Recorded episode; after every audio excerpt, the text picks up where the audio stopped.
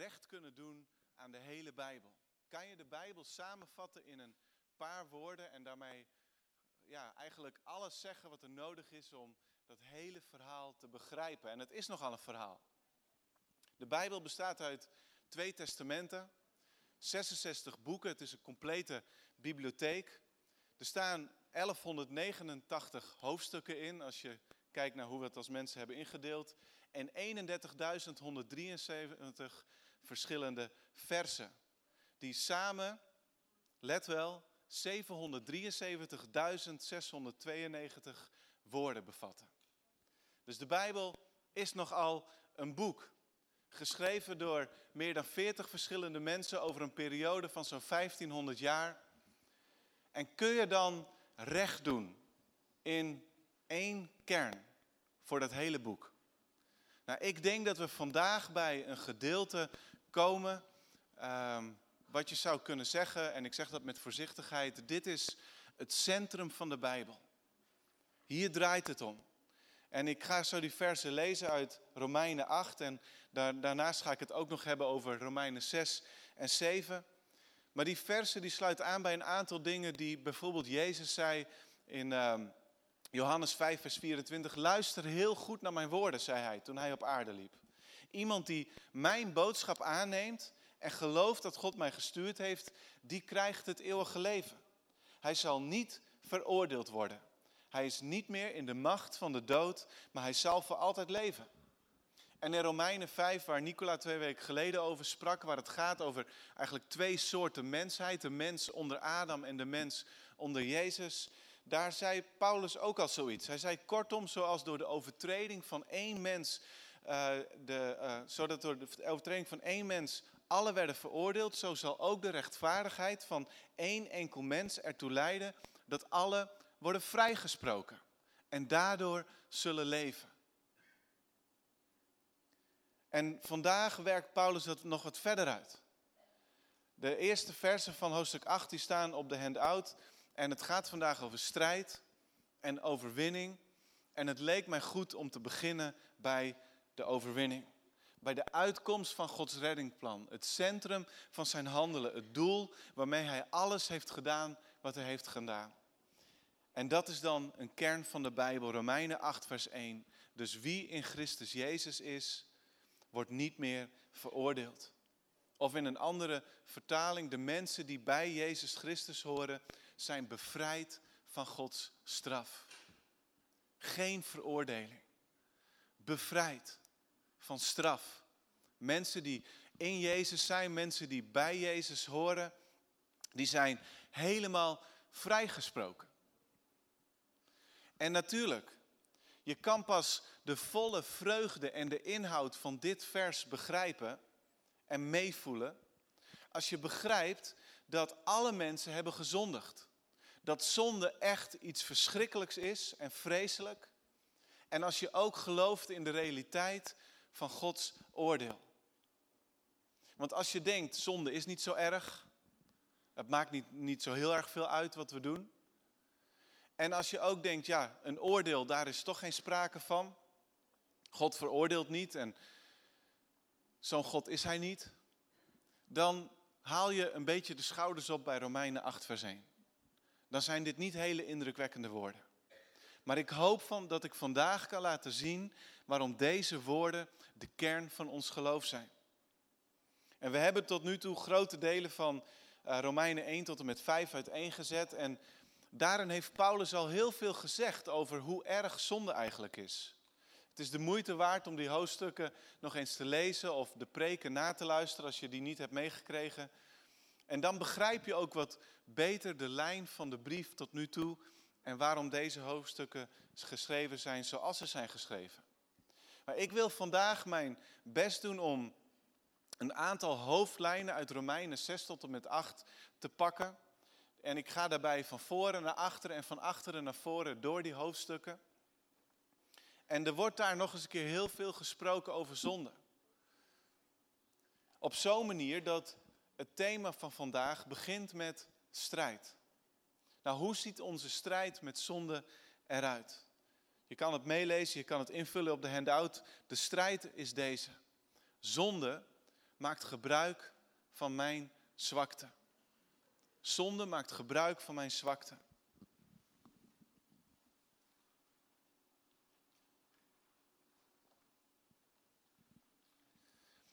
En ik ben eerlijk.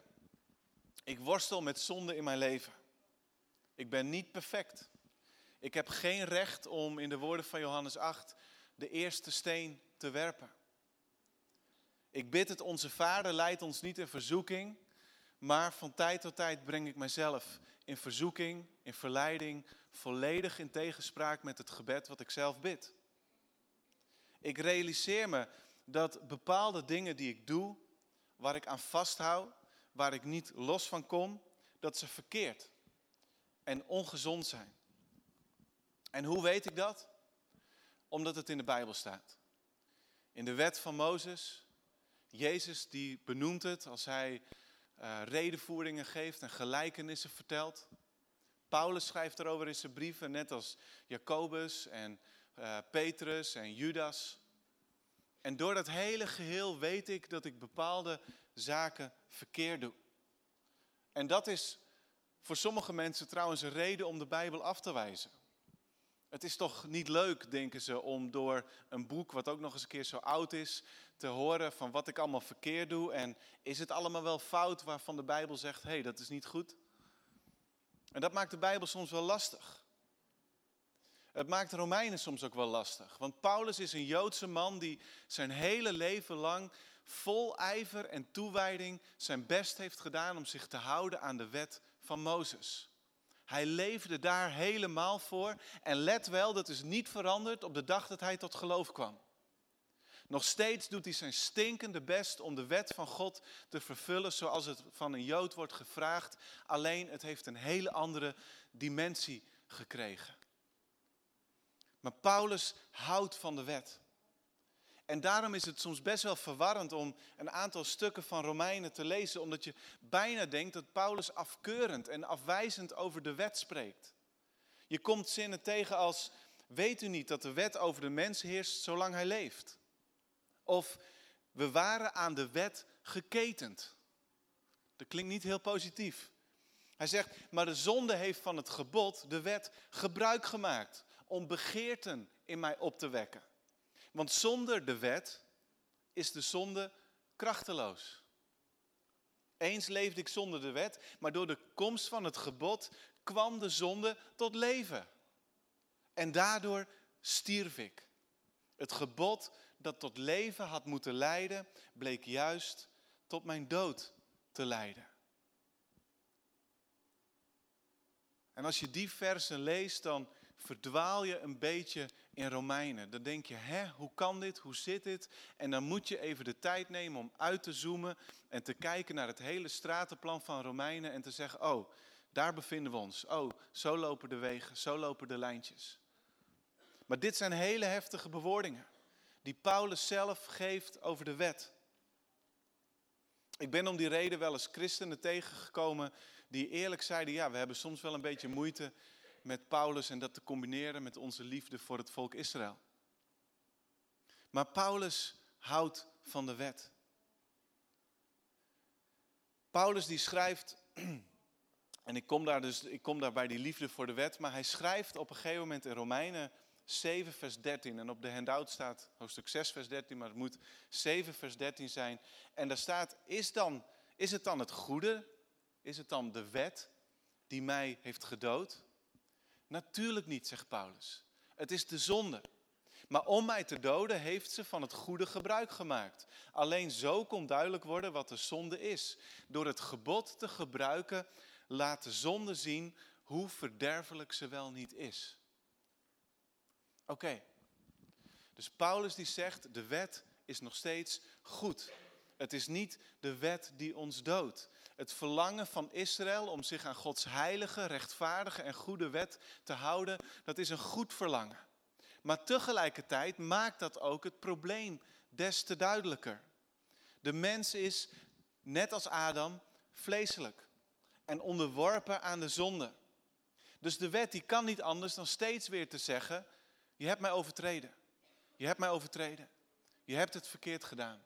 Je beantwoordt niet aan Gods goede bedoelingen. Je handelt onrechtvaardig.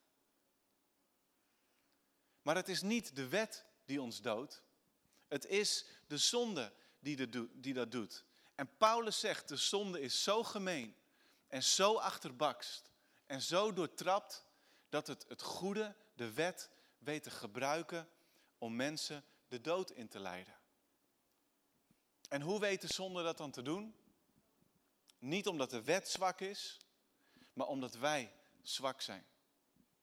In Romeinen 8, vers 3 zegt Paulus, de wet waartoe de wet niet in staat was, machteloos als hij was door de menselijke natuur. Dus de wet kon haar doel niet bereiken door de zwakheid van ons mensen. En dat brengt me bij een van de meest herkenbare gedeeltes, voor mij in ieder geval, van de Bijbel, maar ook een van de meest frustrerende teksten van Paulus. Er staat in Romeinen 7 vanaf vers 15, wat ik doe, doorzie ik niet. Want ik doe niet wat ik wil, ik doe juist wat ik haat. Maar wanneer mijn daden in strijd zijn met mijn wil, dan erken ik dat de wet goed is. Dan ben ik het niet die handelt, maar de zonde die in mij heerst. Immers, ik besef dat in mij, in mijn eigen natuur, het goede niet aanwezig is. Ik wil het goede wel, maar het goede doen kan ik niet. Wat ik verlang te doen, het goede, laat ik na. Wat ik wil vermijden, het kwade, dat doe ik. Maar wanneer mijn daden in strijd zijn met mijn wil, ben ik daar zelf niet de oorzaak van, maar de zonde die in mij heerst. Ik ontdek in mij de wetmatigheid dat het kwade zich aan mij opdringt, ook al wil ik het goede doen. Innerlijk stem ik vol vreugde in met de wet van God, maar in alles wat ik doe, zie ik die andere wet. Hij voert strijd tegen de wet waarmee ik met mijn verstand instem en maakt van mij een gevangene van de wet van de zonde die in mij leeft. Wie zal mij, ongelukkig mens, redden uit dit bestaan dat beheerst wordt door de dood?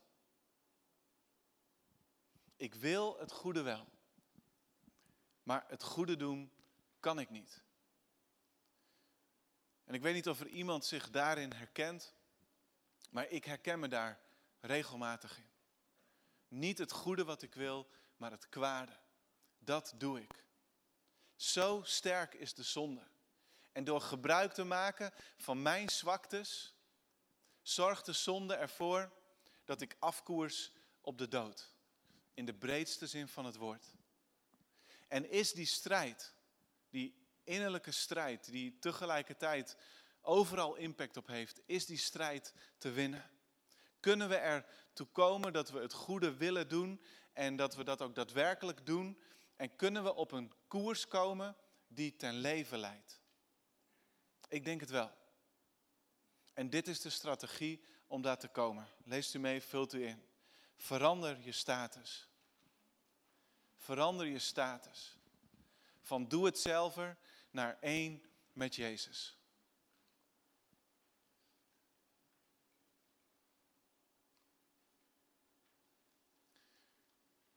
Het is vandaag op vier dagen na, negen jaar en vier maanden geleden dat ik een relatie met Eva kreeg. We waren uit eten geweest, kregen een relatie en ja, ik weet het. Ja. ik tel het iedere dag. Um, maar dat is hartstikke leuk als je een relatie krijgt. Je loopt in de wolken, je vertelt het aan familie, vrienden, collega's, buren. Iedereen mag het weten. En uh, het was toen, en dat geldt op dit moment eigenlijk alweer veel minder, want tijden veranderen snel. Maar het was toen ook nog gebruikelijk, wilde je je relatie echt een officiële status geven, dat je dat deed op Facebook. In plaats van te zeggen geen relatie of wat dan ook maar, veranderde je relatiestatus op Facebook naar heeft een relatie met en dan kon je de naam invullen. En dat heb ik gedaan. Mijn status naar de buitenwereld, die, die klom omhoog. En ik had officieel een relatie met Eva. Een jaar en acht maanden later ongeveer, toen mocht ik die status nog een keer aanpassen naar getrouwd met. En zo is het ook met de burgerlijke stand. Op het moment dat je trouwt, dan verandert jouw staat voor de burgerlijke stand. In de burgerlijke stand wordt, uh, wordt beschreven dat je bijvoorbeeld meerderjarig of minderjarig bent. Um, en er zijn ook allerlei relatiestatussen die officieel bij wet worden vastgelegd. En die komen met verplichtingen en met rechten. En op de dag dat we trouwden, werd mijn status veranderd in, het burger, in de burgerlijke stand. Ik was gehuwd. Ik heb de, de, de, de, uh, staat van gehuwd zijn. En dat gaf mij bepaalde rechten, maar dat gaf mij ook, als je kijkt in wetboek 6 en dan vanaf artikel 81, dat geeft mij ook echt een aantal verplichtingen naar Eva. Waar zij mij aan mag houden, waar de wetgever mij aan mag houden. En maar de vraag is nu, wat is jouw status in geestelijk opzicht? Ben je een doe-het-zelver? En de doe-het-zelver, die kan er... Je hebt twee compleet verschillende soorten doe-het-zelvers. Je hebt het doe-het-zelver die zegt, als ik heel hard werk, als ik heel erg goed mijn best doe om op de allerbeste manier te leven, om zo min mogelijk verkeerde dingen te doen, dan wacht mij een beloning voor de eeuwigheid.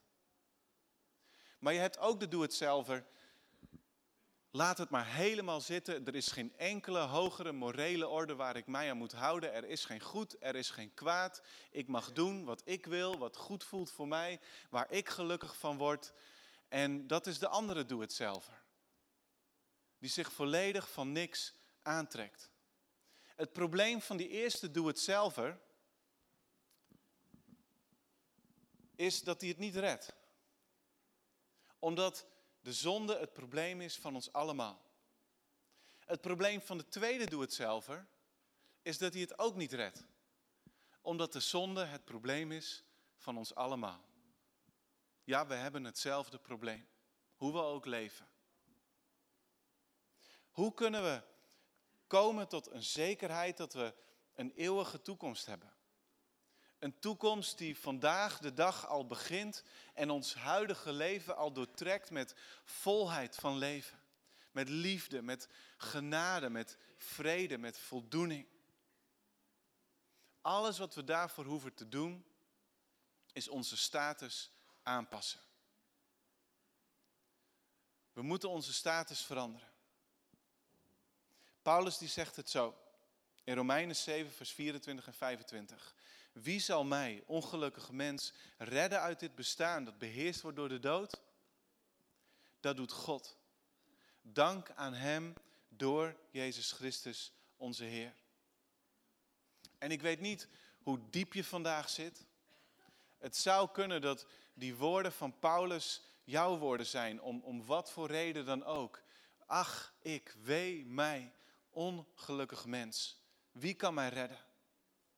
Op allerlei manieren kunnen je eigen zonde of de zonde van andere mensen die tegen jou worden gedaan, die kunnen leiden tot, tot pijn, verdriet, verval, ellende, ziekte en uiteindelijk de dood.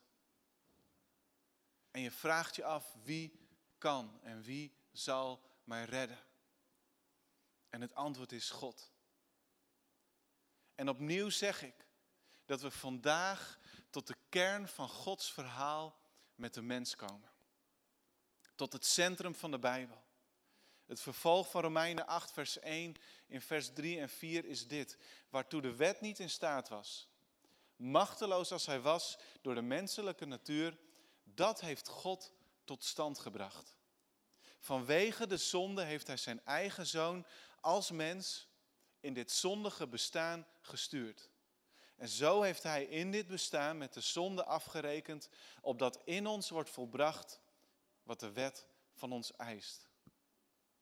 En, en er zijn een paar andere teksten in de Bijbel die soortgelijke dingen zeggen, maar eigenlijk staat het nergens zo kernachtig en duidelijk als in deze verse. God heeft zijn zoon gezonden, wat niets minder betekent dat dat, dan dat God zelf in eigen persoon naar deze wereld kwam in dit zondige bestaan.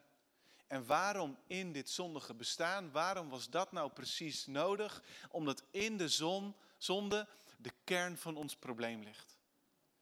De zonde die zijn ellende en dood kon voortbrengen door de zwakheid van ons menselijke natuur, die wordt verslagen alleen maar doordat God komt in die menselijke natuur. En hij verslaat de zonde in het menselijk lichaam van zijn eigen zoon Jezus Christus, de Messias. En let goed op, er staat niet dat God Jezus veroordeelde, maar er staat dat hij de zonde veroordeelde.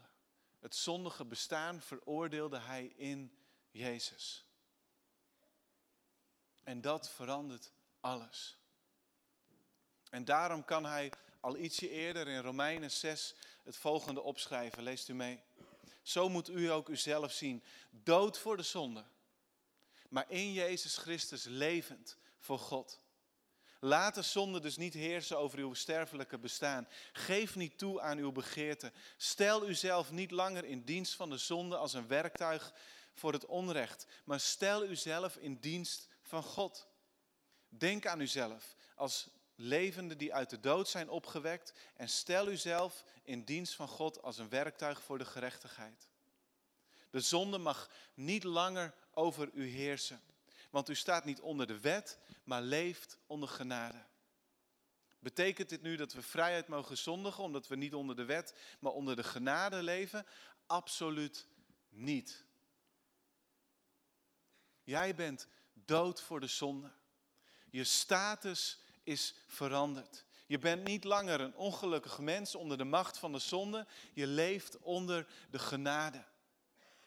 En de doop door onderdompeling in water laat dat zo ontzettend mooi zien. En daar heeft Paulus het ook over in de eerste verse van hoofdstuk 6. Ik lees ze vandaag niet met jullie, maar de doop is zo krachtig. De oude mens is gestorven voor de zonde en wordt begraven in het water. De nieuwe mens staat op die dood is voor de zonde, maar leeft onder de genade, leeft voor God, leeft voor de gerechtigheid. En die staat op uit dat water, die komt tevoorschijn op een prachtige manier. De doop markeert jouw nieuwe status. Daarom is het zo belangrijk om je te laten dopen. Daarom is het zo belangrijk om die stap in je geloof te zetten. Het is zo ontzettend krachtig dat Maarten Luther, als hij hevig werd verzocht en in verzoeking kwam, dan riep hij uit, baptizo sum. In het Latijn, ik ben gedoopt. Dat was zijn weerwoord tegen alle verleidingen, tegen alle, alle verzoekingen die op zijn weg kwamen. Ik ben gedoopt. En ik hoop dat je het pakt en, en begrijpt wat Paulus hier zegt. Het is aan jou om te kiezen wie je dient. Het is aan jou om te zeggen, dit is mijn status. Bob Dylan die zong het al, you've got to serve somebody. It may be the devil, it may be the Lord, but you've got to serve somebody. Je moet iemand dienen. Er zijn twee heren. De duivel, de zonde, de dood of God, het leven, de gerechtigheid. Maar je mag kiezen. Er is niet een gulden middenweg. Je kan niet van twee walletjes eten. Er is geen grijs op dit gebied. Er is alleen zwart en wit. En wie dien jij? De vreselijke zonde of God? En zoals ik niet kan leven als vrijgezel, door mijn gehuwde status bij de burgerlijke stand of mijn relatiestatus op Facebook, zo kun jij en hoef jij niet als zondaar te leven als je status in Jezus is. En een beetje realisme. Christenen zondigen nog steeds. We maken nog steeds fouten. We schieten nog steeds tekort. De Bijbel is daar realistisch over. We zijn work in progress. Maar dat is nooit een excuus. Om te zeggen, weet je wat, dat is nou een slechte gewoonte om aan vast te houden. Dat is wat ik verkeerd blijf doen. Daar hoef ik mijn best niet voor te doen. Want je status is in Jezus. Dat wil zeggen, ik geloof en aanvaard dat God mijn zonde heeft veroordeeld in Jezus aan het kruis. En daardoor, alleen daardoor, ben ik dood voor de zonde. Ik heb geen verplichtingen meer aan de zonde. De dood hoeft niet meer over mij te heersen, omdat ik niet onder de zonde, maar onder de genade leef. En daardoor kan ik leven ten dienste van de gerechtigheid. En daardoor zal ik eeuwig leven. Ik ben vrij.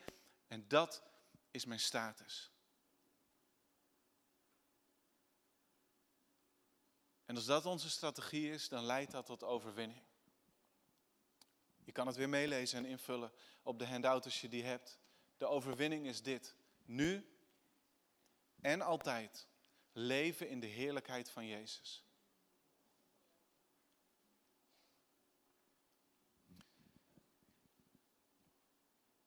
Ik ben het laatste half jaar wel een, een beetje fan geworden van een theoloog, Tom Wright. Ik heb een paar weken geleden ook iets van hem geciteerd. En hij vat eigenlijk heel mooi de lijn van het betoog aan het begin van Romeinen 8 samen.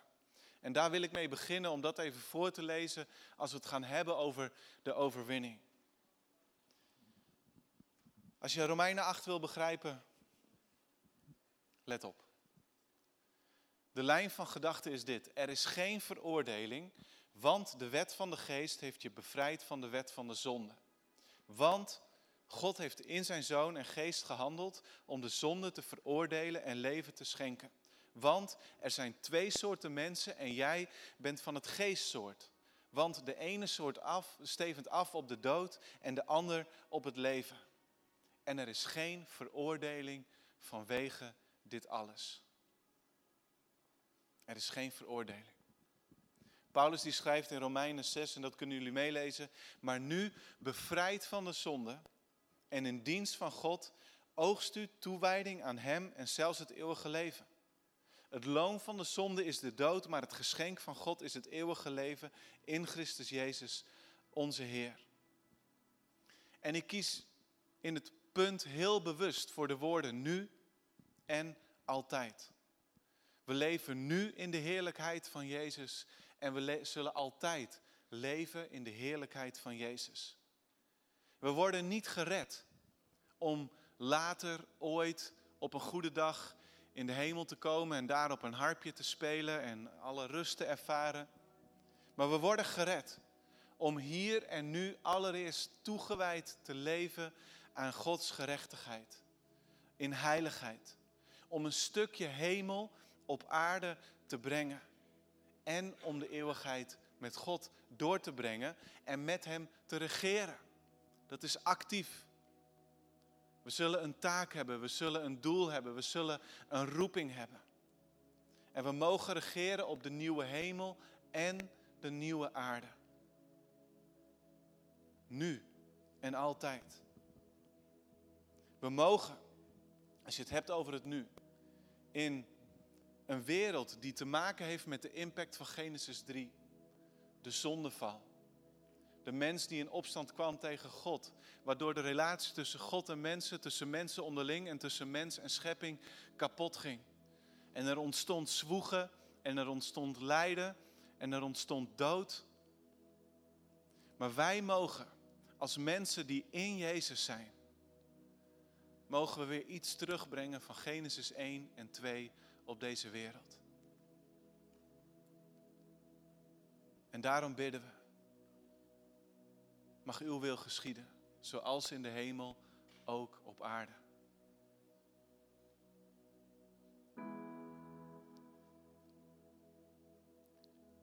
In de woorden van Romeinen 8, vers 29 tot 30. Daar staat, want hen die hij van tevoren gekend heeft, heeft hij er ook van tevoren toe bestemd om aan het beeld van zijn zoon gelijkvormig te worden. Opdat hij de eerstgeborene zou zijn onder vele broeders. En hen die hij er tevoren toe bestemd heeft, die heeft hij ook geroepen. En hen die hij geroepen heeft, die heeft hij ook gerechtvaardigd. En hen die hij heeft gerechtvaardigd, die heeft hij ook verheerlijkt. Het is verleidelijk om stil te staan bij woorden als tevoren gekend, en tevoren bestemd. Ik ga dat niet doen. Paulus laat het een beetje een mysterie. En hij zegt, weet je, veel belangrijker dan nadenken over die woorden en daar helemaal filosofisch over te worden, is het belangrijk om te beseffen waartoe heeft God ons bestemd. Hij heeft ons bestemd dat wij gevormd zullen worden tot het evenbeeld van Jezus, die het beeld van de ware God zelf is. We zijn geroepen. En dat heeft te maken met de krachtige verkondiging van het evangelie, wat een appel op ons doet, waardoor we kunnen zeggen, ja Heer, ik geloof dat U mijn redder bent. We zijn geroepen.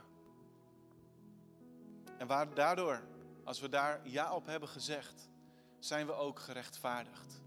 Dat betekent dat we in een nieuwe relatie recht voor God kunnen staan. Dat we Hem in de ogen kunnen kijken. Dat onze status is van vrijgesprokenen. Geen oordeel meer. Dat is wat rechtvaardigheid betekent. We zijn volwaardig lid van de familie van God.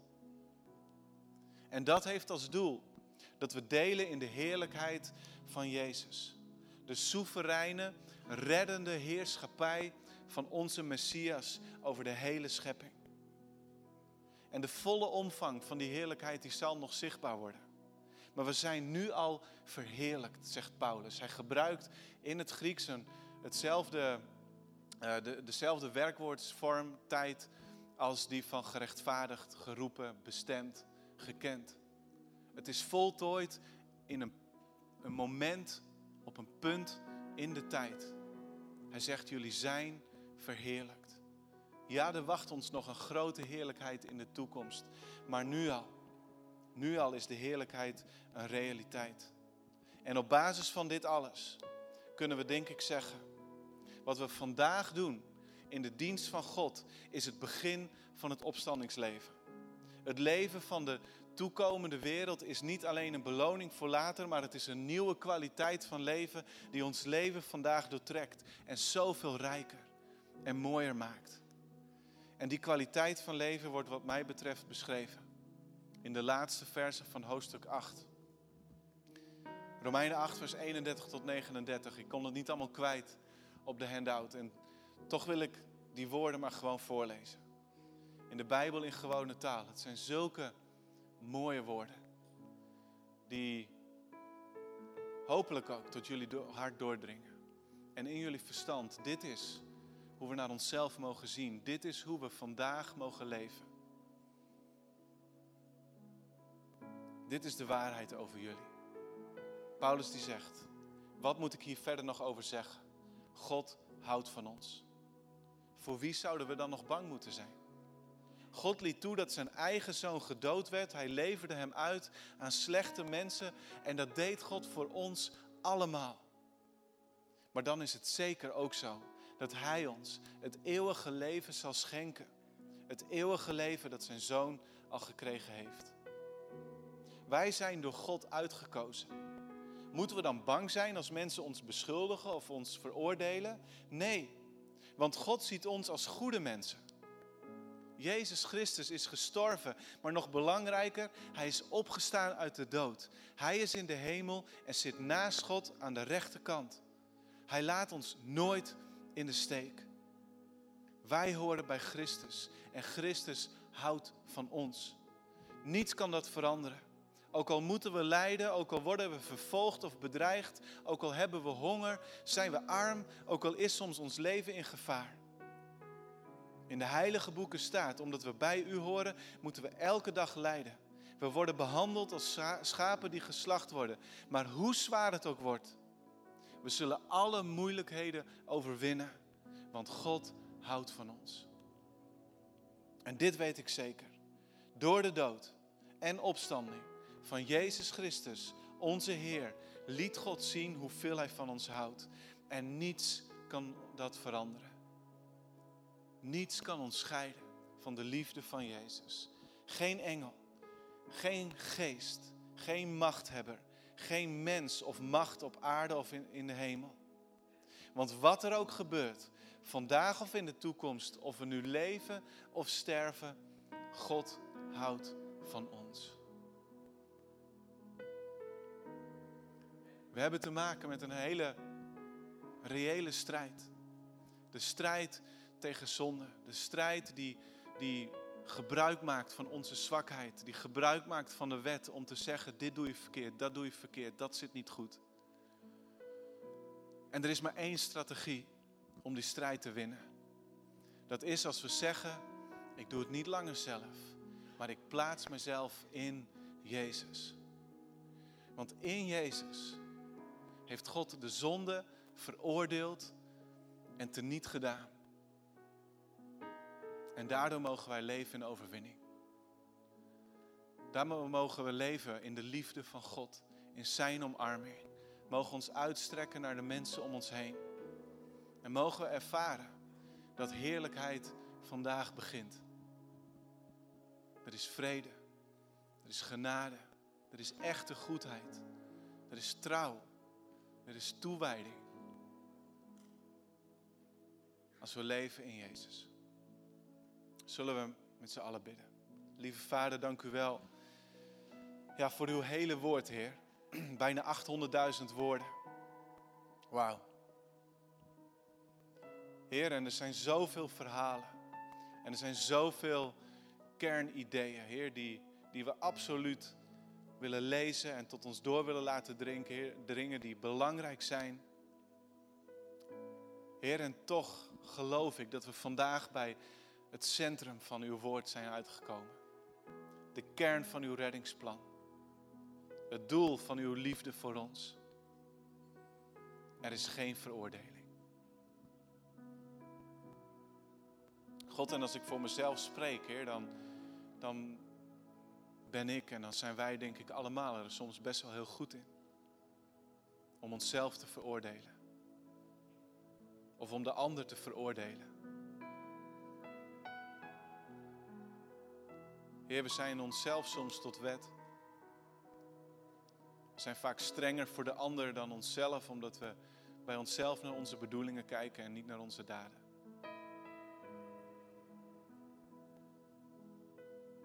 Heer, en ik bid dat we daarmee zullen stoppen. Heer, ik bid dat we onze eigen strijd tegen zonde zullen opgeven. En dat vanaf vandaag onze strategie meer dan ooit, of voor het eerst, mag zijn: ik zet mezelf in Jezus. Ik aanvaard dat wat Hij heeft gedaan aan het kruis op Gogolta, dat Hij dat deed voor mij.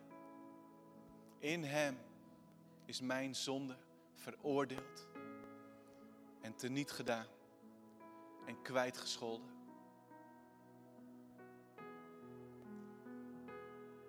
En ik wil je vragen vandaag. Misschien heb je het eerder gedaan.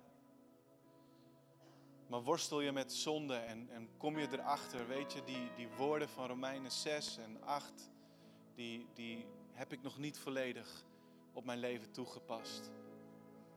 Ik ben soms een slaaf van de zonde. Ik dien soms de zonde. Ik besef niet voldoende dat ik onder genade leef. En misschien heb je die keuze nog nooit gemaakt. Om jezelf in Jezus te zetten. Om Hem te aanvaarden als je redder, als jouw Heer, als degene die jou ten leven leidt. Ik wil je vragen om vandaag een keuze te maken. Om opnieuw voor het eerst in Jezus te zijn en te leven. En ik wil je vragen om die keuze ook te laten zien door even je hand omhoog te steken. Zodat we voor je kunnen bidden, zodat we je kunnen zegenen. Als je die keuze maakt, wil je dan je hand laten zien. Dankjewel. Dankjewel. Dankjewel. Dankjewel. Dankjewel. Dankjewel. Daarboven ook. Dankjewel. Dank wel. Gaan over de hele zaal heel wat handen omhoog. En Jezus, u ziet ze allemaal. En ik bid dat u ze vandaag omarmt. Heer, dat ze van heel dichtbij zullen ervaren dat ze van u zijn. Dat u van ze houdt.